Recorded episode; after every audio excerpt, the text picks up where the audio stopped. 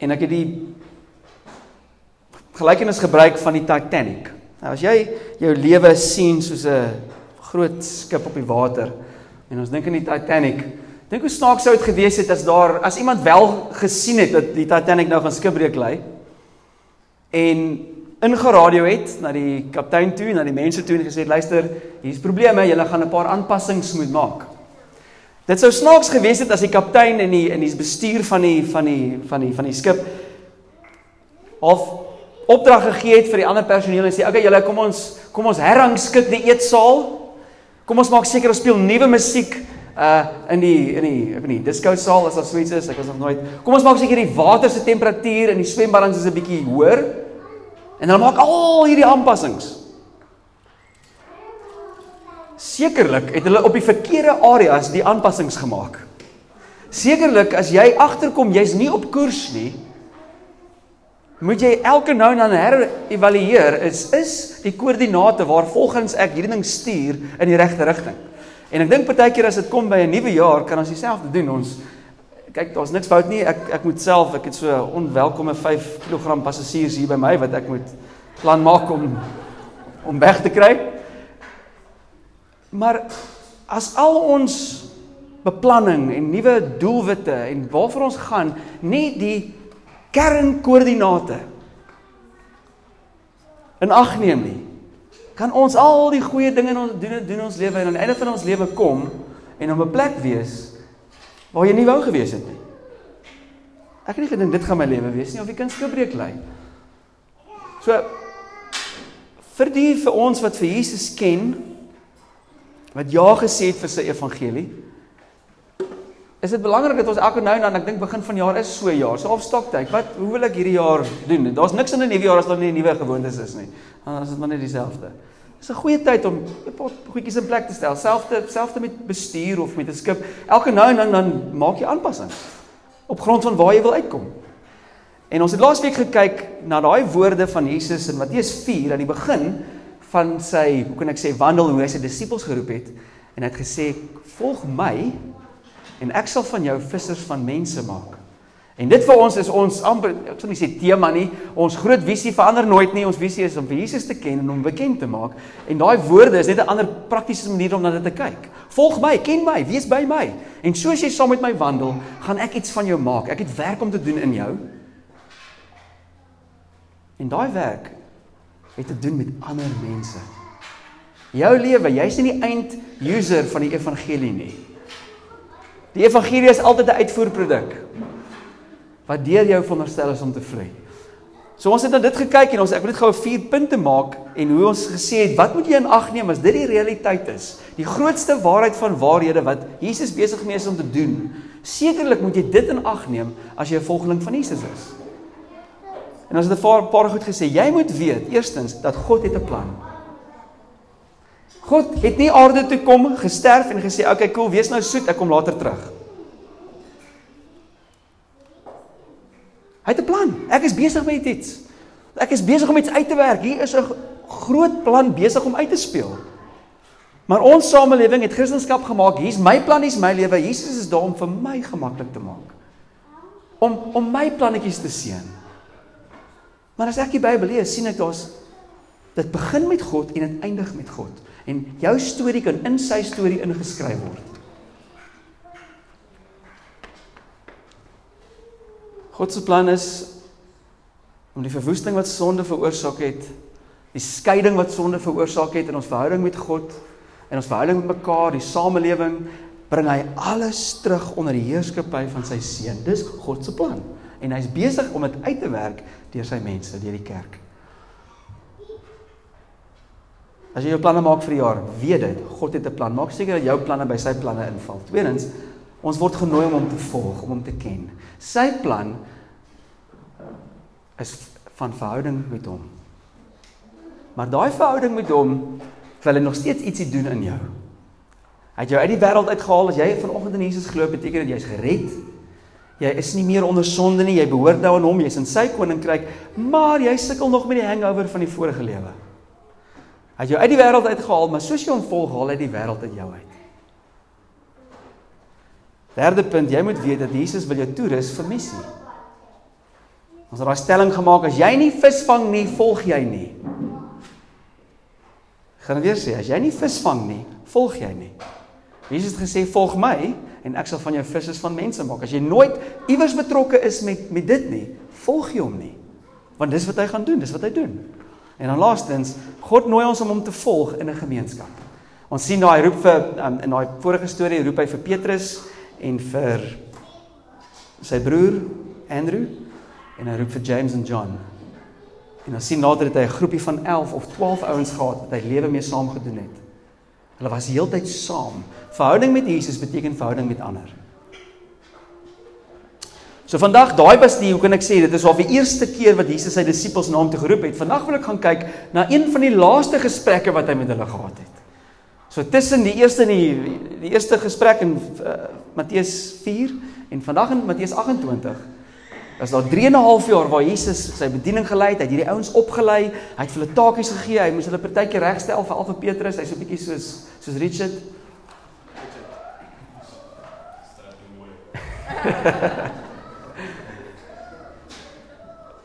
Richard kan 'n kan 'n hou vat nê, nee, as hy En ons sien hierdie laaste woorde wat Jesus gesê het en ek wil sê as as jy jou jaar beplan en as as hierdie nie deel van die hoofkodes wat jy in jou koördinate invoer hoe jy jou lewe gaan stuur nie. Kan ek vir jou sê jy gaan dit mis. Ek sê nie jy gaan nie hemel toe gaan nie. Ek sê nie ek, dis nie wat ek sê ek sê nie gaan 'n ongelukkige lewe hê nie. Ek gaan sê maar dit wat God beplan het, dit wat God mee besig is. As dit nie deel van jou amper sy jou missie stelling is in jou lewe nie, gaan jy dit mis. En dit is wat Jesus gesê het. Ons lees saam van Matteus 28 van vers 16 tot 20. Hy sê dit: Now the 11 disciples went to Galilee to the mountain to which Jesus had directed them. And when they saw him, they worshipped him. But some doubted. And Jesus came and said to them, All authority in heaven and on earth has been given to me. Go therefore and make disciples of all nations, baptizing them in the name of the Father and of the Son and of the Holy Spirit, teaching them to observe all that I have commanded you. And behold, I am with you to the end of the age. Kom ons bid. Here, dankie vir u woord. Ons vra Vader dat vanoggend die waarheid wat in hierdie skrif vasgevang is, wat vir ewigheid bedoel is, sal deurkom. Dit wat opinies is, my opinies of mense se opinies en gedagtes, as dit gekommunikeer word, Here, laat dit geen impak hê op mense nie, maar dit wat waar is, mag dit ons verander. Amen. So die skrif is of net vir julle die konteks gee.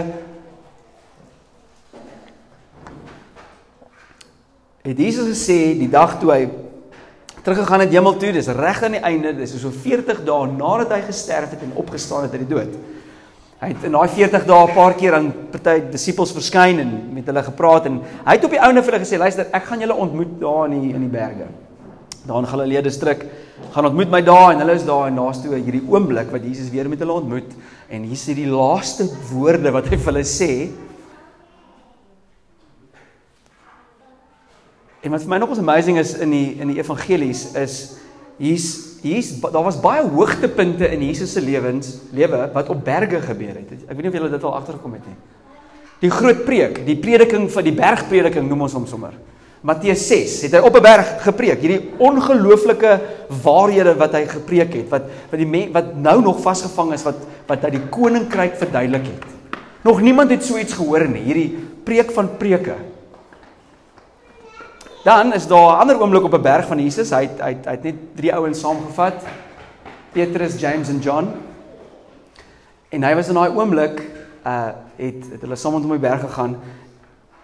In in Engels noem hulle dit the transfiguration of die verheerliking. Jesus het in sy aard, sy menslike vorm het hy begin skyn.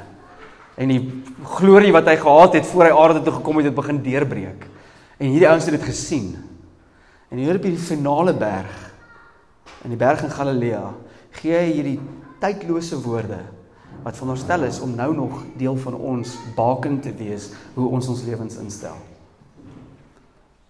'n uh, Bekende Bybelkommentator William Hendrickson uh, sê dit van van hierdie teks. Hy sê we first find the great claim follow, and flowing out of that we have the great commission which is only possible because of the promise of the great comfort. So ek wil graag na hierdie eh, hierdie teks kyk in daai 3 punte. Eerstens ons gaan kyk na die groot stelling van waarheid. Jesus maak hierdie stelling wat niemand anders kan maak nie. Tweedens gaan ons kyk na hierdie opdrag. Hy gee 'n opdrag. Hy gee 'n opdrag wat tot die einde van tyd veronderstel is om gehoorsaam te word. En dan laastens gaan ons kyk na die belofte wat hy maak. Hy maak 'n hy maak 'n belofte. So eerstens, kom ons gaan kyk na hierdie stelling van waarheid wat Jesus maak. Vers 18 sê en Jesus came and he said to them all authority in heaven and on earth has been given to me. Ek dink ons moet net gou-gou pause, net gou-gou daai kyk gou-gou na daai sin. Dis 'n stelling. Jim so Jim so dit was jokes altyd by die gym as iemand sê hoeveel reps het jy gedoen dan sê hy almal. Dit is amper dieselfde hier. Alles. En uh, ek is nie 'n Griekse boffin nie. Ek lees maar die ander ouens wat boffin is, maar as nog een van daai woorde is baie eenvoudig. Daai woord all. Dit beteken all. Besef julle dit? Alles. Menende daar is niks wat nie onder sy autoriteit is nie. Sy heerskappy is nie. Sy reg is nie. Maar wat interessant is, hierdie stelling op die ore van 'n Joodse man wat wat die Ou Testament skrif sou geken het, sou hulle sal iets anders onthou het met daai stelling. En wat dit is, dis eintlik 'n profesie wat Daniël honderde jaar voor dit al gemaak het van eendag, eendag kom hierdie Messias, kom hierdie persoon wat die autoriteit sal hê om God se perfekte wil in die wêreld in te bring. Gaan gou vir julle lees, dis eintlik amazing. Daniël 7 is hierdie profesie in die Ou Testament. En dit is waarvan af hierdie stelling kom. Daniel in sy tyd in Babylon sien toe hierdie visie en hy sê as Daniel 7 vers 13 I saw in the night visions and behold with the clouds of heaven there came one like a son of man. And he came to the ancient of days and was presented before him. And to him was given dominion and glory and a kingdom. That all peoples nations and languages should serve him. His dominion is an everlasting dominion, which shall not pass away, and his kingdom one that shall not be destroyed.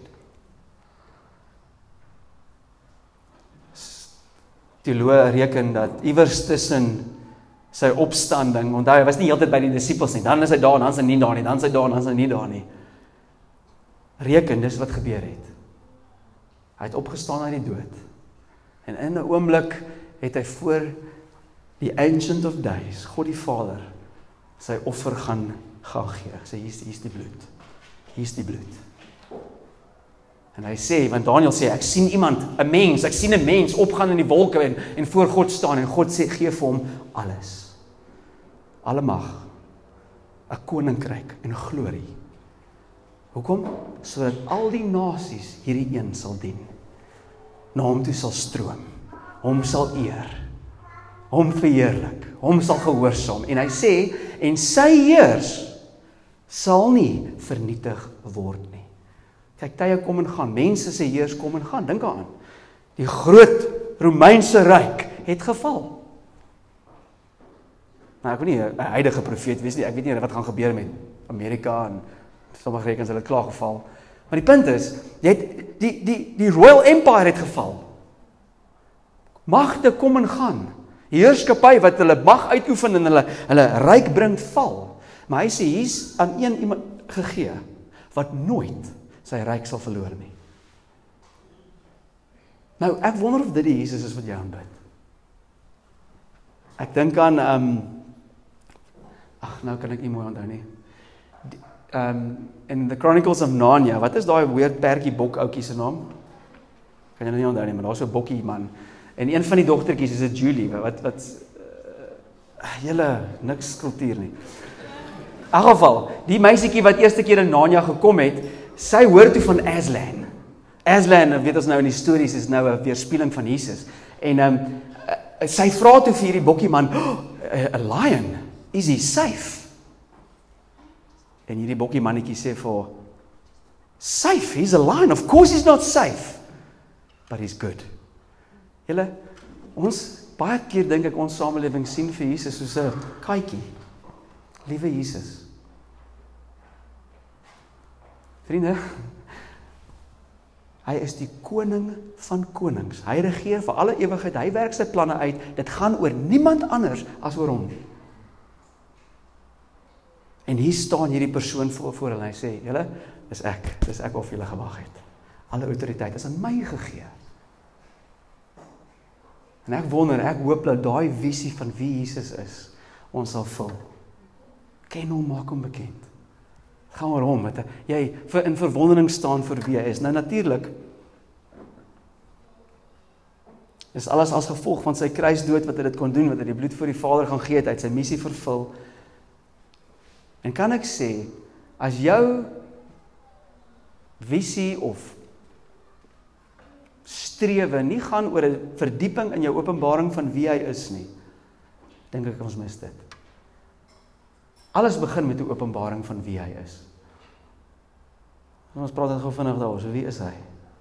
Wel eerstens, hy's die lam. Hy's die lam. Die vlekkelose lam. Op die kruis het hy gesterf.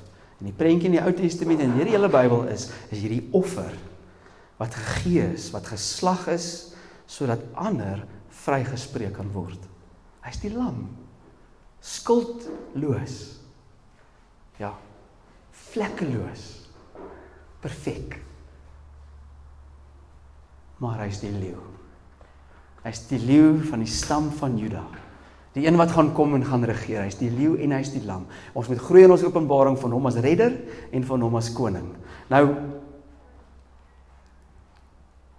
Ek wil net gou vinnig 'n teks lees want nou die vraag is ek dis nou great, maar Hulle het hom gesien. Dis nou cool, hulle het hom gesien en hulle het gesien hoe hy gaan in die wolke. En ek en jy het nog nie 'n ou gesê gesien wat vir ons gesê het en in die wolke ingegaan het en hemel toe gegaan het nie.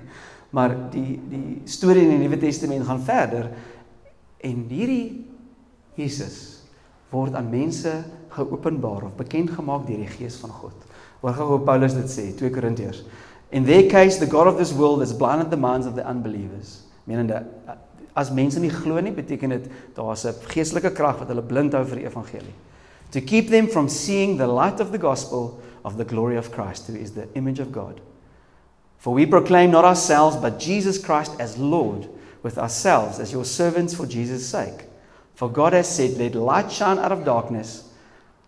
He has shone in our hearts to give us the light of the knowledge of the glory of God in the face of Christ Jesus. Menende, as jy vanoggend aan Jesus glo, beteken dit dat lig geskyn sodat jy die ware identiteit van Jesus kan ken. So eerstens, Jesus begin met hierdie ongelooflike stelling en ek dink vanoggend moet jy dit evalueer. Is dit waar?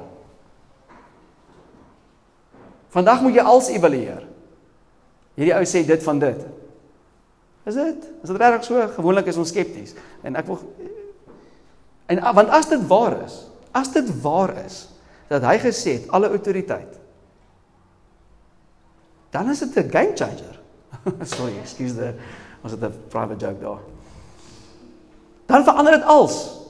As dit waar is as hy gesê het alle autoriteit is myne, dan verander dit als. Tweedens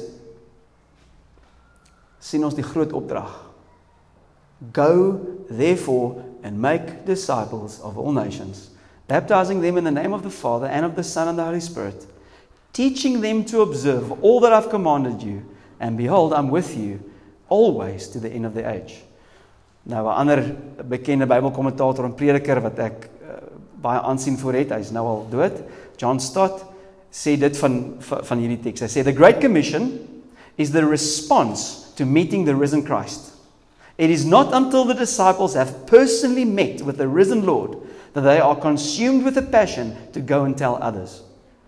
If evangelism is at a low ebb in, the parts, in parts of the worldwide church, and it is, could it be because many churchgoers have never had a personal, life changing encounter with Jesus?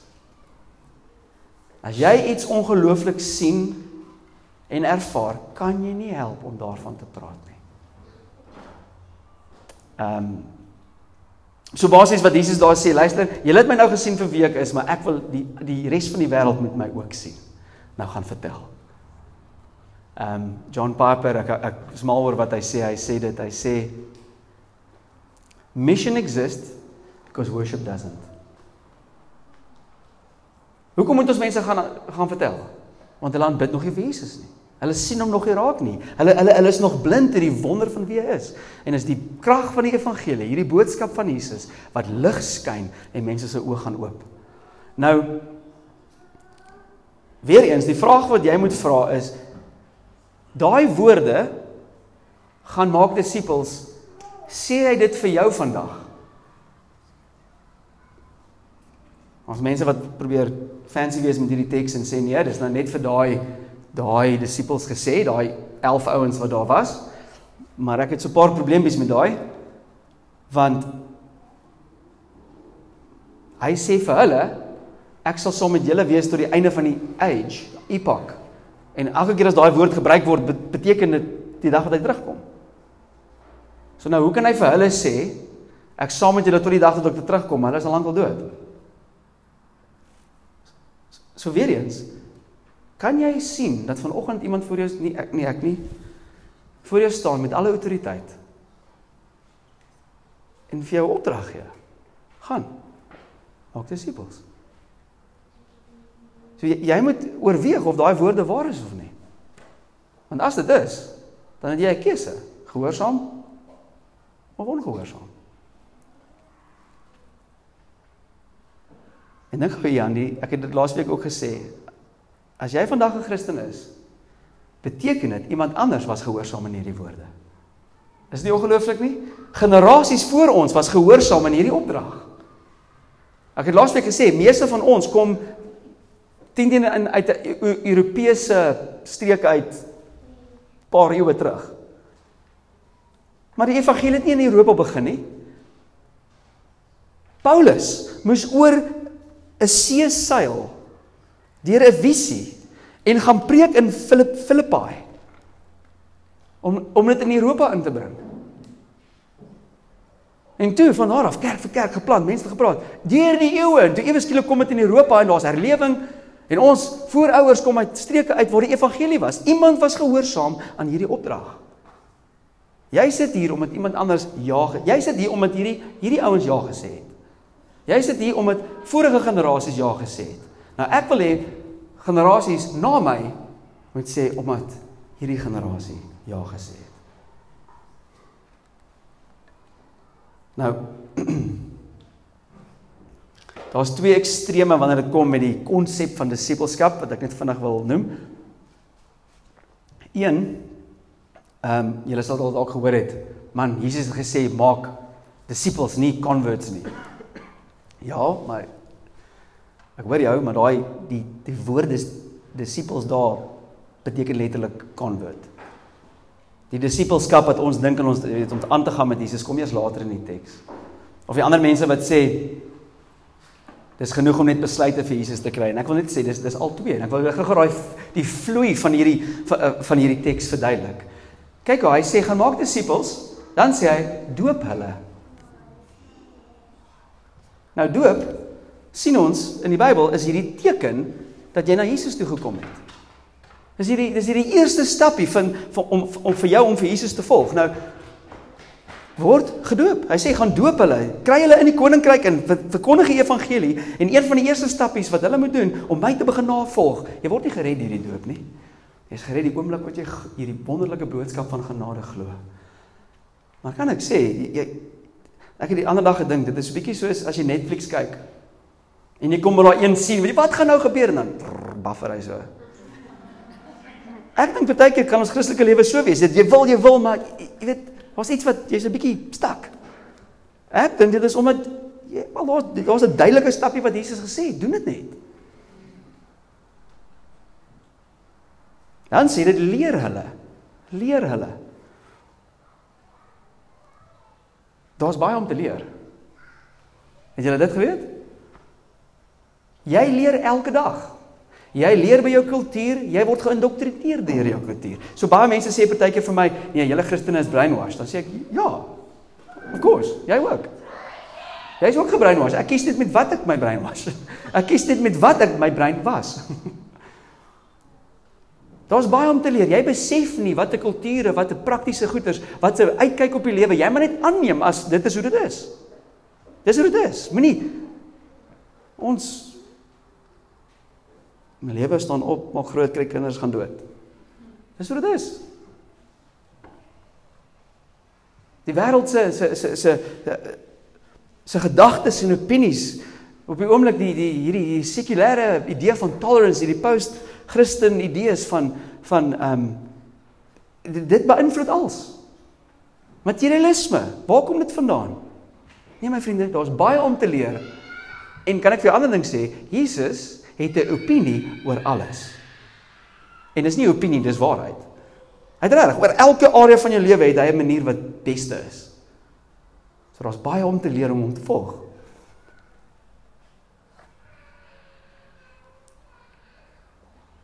En wat amazing is, soos ons meer volwasse raak in Jesus, leer hy ons om ander te leer. Dis hierdie konstante ding, dink daaraan. Hy sê vir hulle gaan leer, gaan maak disippels, maar hulle het nog net 3 jaar saam met hom gestap. So hulle het vir 'n hele seisoen geleer, wow, en disippels gemaak. Nou, ek wil 'n vinnige caution hier sê. Gewoonlik as ek in die verlede Matteus 28 gehoor het, dan dink ek, "Jesus, hier gaan hoor graad Christendom alweer." Ek ek kan nie dit doen nie. Dis te veel. Ek is nie goed genoeg vir dit nie. Die Here ken nie vir my nie. Waarmee ek nog sukkel, wat nog moeilik kom vir my. Maar ek het vir die eerste keer hierdie week daai woordjies raak gesien. Kyk gou hierso. Hy sê dit vir 'n groep mense wat gesê het and when they saw him they worshiped him but some doubted. Wat? Menende, hy gee die opdrag vir mense wat nog swak is in hulle geloof. Hoe amazing is dit? Ek hoop dit bemoedig jou want ek ek sit my gewoonlik in daai kampie. Dit mag dalk nie natuurlik kom nie, maar vanoggend wil ek vir jou sê, die uitnodiging hierdie is Christen is nie ekstreme Christendom nie, hierdie is 101. Dit is wat dit beteken om Jesus te volg.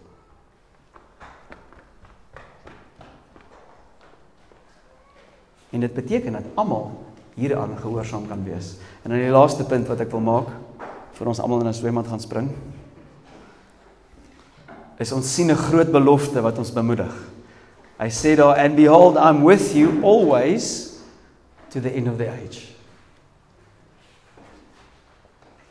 Om 'n disipel te wees, meer om vir Jesus te volg en te leer en in dieselfde proses help ons ander mense om te leer. Daai proses is iets wat 'n 'n rabbi sou gedoen het. En gewoonlik was die disippels, die mense wat hy om, om homself vergader en leer en op missie gaan en lewe saam doen, was om sy teaching oor te gee. So die disippels het soos hy geword. Maar ons opdrag is nie om mense te maak soos ons nie. Die mense ons opdrag is om mense te maak wat soos Jesus is. En wat amazing is, wanneer wanneer dit gebeur, is dit nog steeds die krag van God. Wanneer mense tot bekering, jy kan niemand tot bekering bring nie, niemand. Jy het nie die krag nie. Jy's nie slim genoeg nie. In feite, baie keer as ons te slim probeer wees, gaan ons verloor ons eintlik 'n bietjie grond. Die evangelie, die wonderlike waarheid van Jesus is genoeg om harte wat ver van hom af is te wen. Wat uit monde kom van nederige volgelinge wat dit nie als bymekaar het nog nie, maar wat verlief is op hierdie Jesus, wat saam met hom stap, hulle het 'n krag wat lewens en nasies kan verander.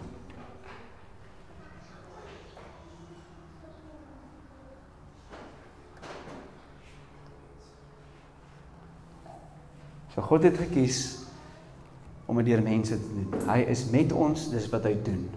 So die vraag is, beweeg jy saam met wat hy doen? Of het jy jou eie plan? Nee, toe maar, I'll meet you the other side. Ek sal hierdie om hierdie kant omgaan. Hoe wonderlik is dit 2020 hier is ons en ons hoor die stem van die Here. Ons hoor, volg my. Volg my. Ek wil van jou maak disippels, ag, vissers van mense. So ek wil graag net eindig met hierdie hoe reageer ons op wat ons hierso gelees het. En ek wil dit sê, ek wil met twee twee kampe praat. Een, as jy dalk reeds vir Jesus ken. Het iewers in jou lewe tot tot geloof gekom en besef Jesus het my lief en ek is sondig en ek het hom nodig en jy het sy vergifnis ervaar. My vraag wat ek vir jou wil vra is, is jy nog steeds besig om te leer?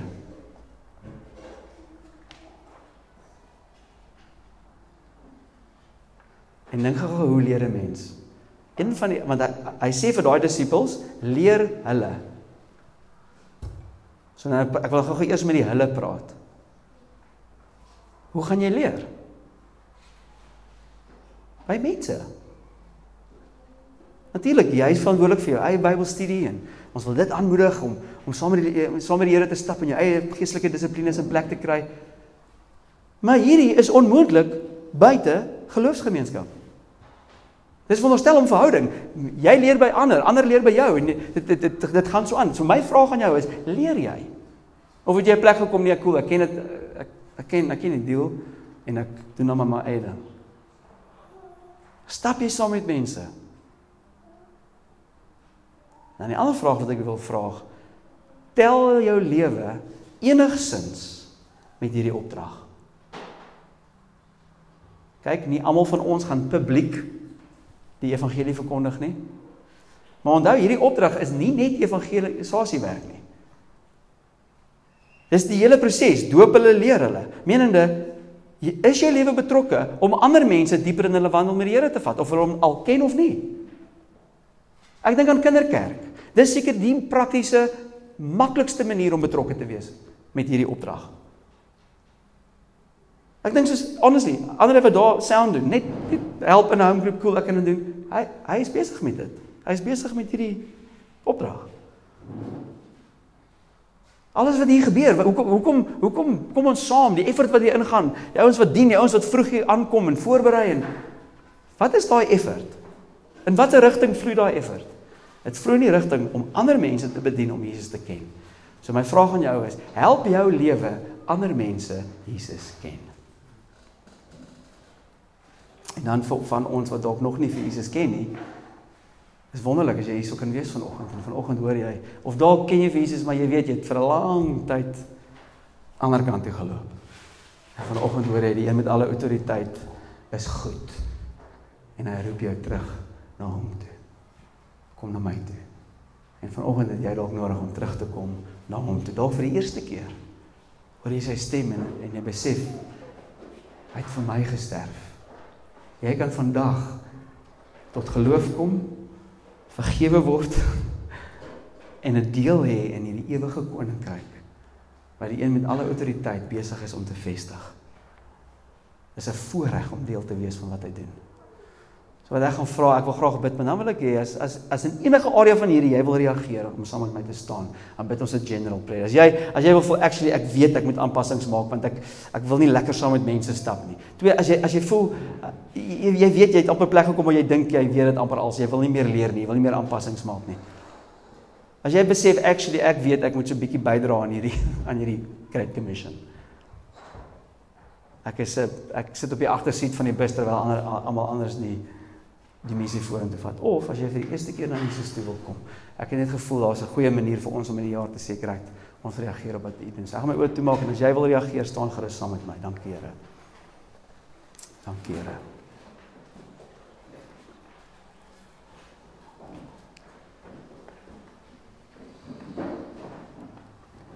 Ja, Vader vir die wat nou net in hulle eie harte wil 'n reaksie maak voor U, net hierdie eenvoudige dingetjie net om te staan en sê, "Jep, hier's ek."